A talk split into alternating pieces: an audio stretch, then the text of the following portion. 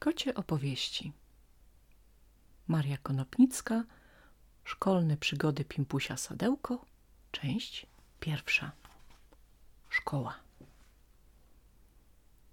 Szkoła pani Matusowej głośne w świecie ma przymioty. Uczęszczają do niej wszystkie dobrze wychowane koty.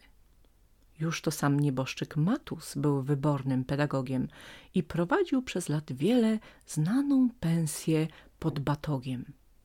Kot to był uczony wielce, a siadywał na zapiecku, pomrukując sobie z cicha po łacinie i po grecku. Osierocił wszakże szkołę i zostawił żonę wdowę, gospodarną, zabiegliwą, jej mość panią Matusowę.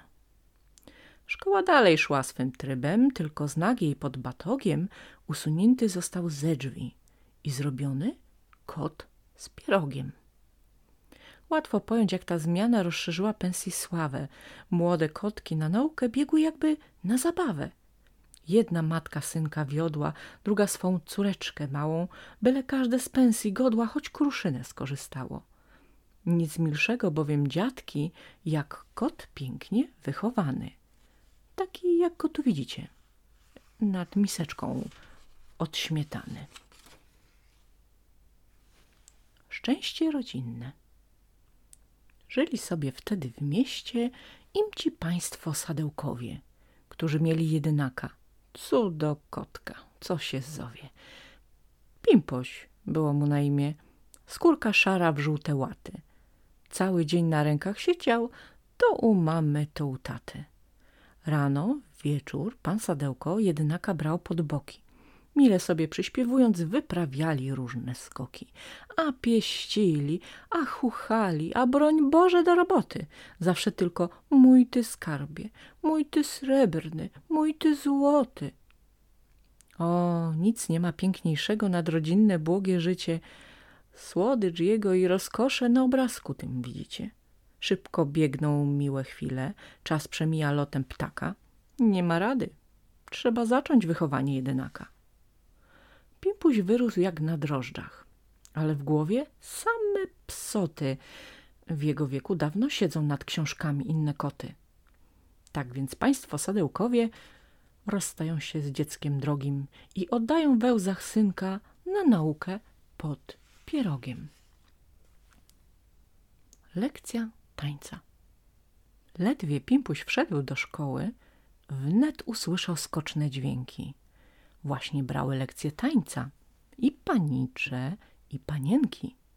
Pierwszy filuś z białym gorsem wdzięcznie ujął się pod boki i podniósłszy lewą nóżkę, śmiało daje sus szeroki.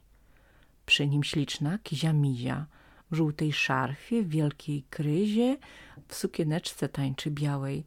Czy widzicie kizie mizie? Za nią hasa łupiskórka, tancerz znany z swej ochoty celujący uczeń szkoły, co wyprzedził wszystkie koty. Dalej Lizuś i Trojaczek trzymają się za pazurki, naśladując żwawo skoki wybornego łupiskórki.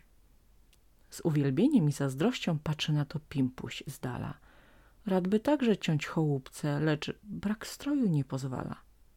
Wnet też pani Matusowa wstążkę wiąże mu u głowy i u pasa zręcznie spina półgarnitur nankinowy miałknął Pimpuś zachwycony tak przedziwną toaletą i do tańca zaraz staje z piękną panną Sofinetą.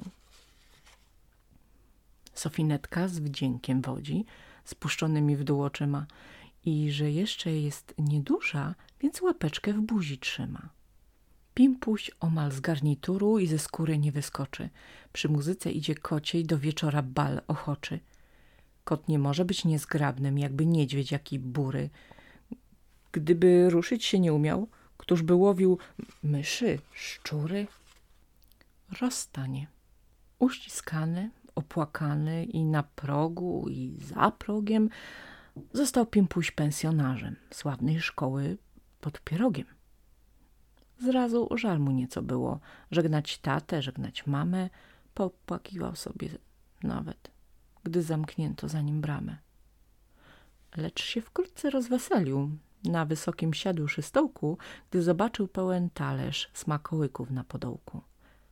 Mama kotka mu kupiła, tato biczyk i piłeczkę, więc choć łza się zakręciła, to od tak, tylko troszeczkę. Ale państwo sadełkowie ci utulić się nie mogą i miłego jedynaka opłakują, idąc drogą. Już im z oczu znikła szkoła z ogrodzeniem swym zielonym, a to on, to ona staje, by zamachać choć ogonem.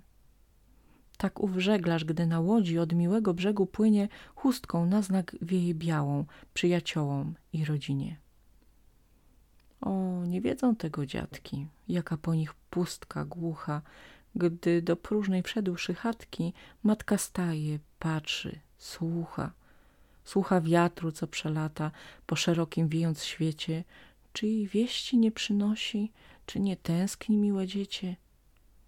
Późno w nocy siedzi duma na samotnej chaty progu, aż w opiekę odda świętą oddalone dziecię Bogu. Koniec części pierwszej.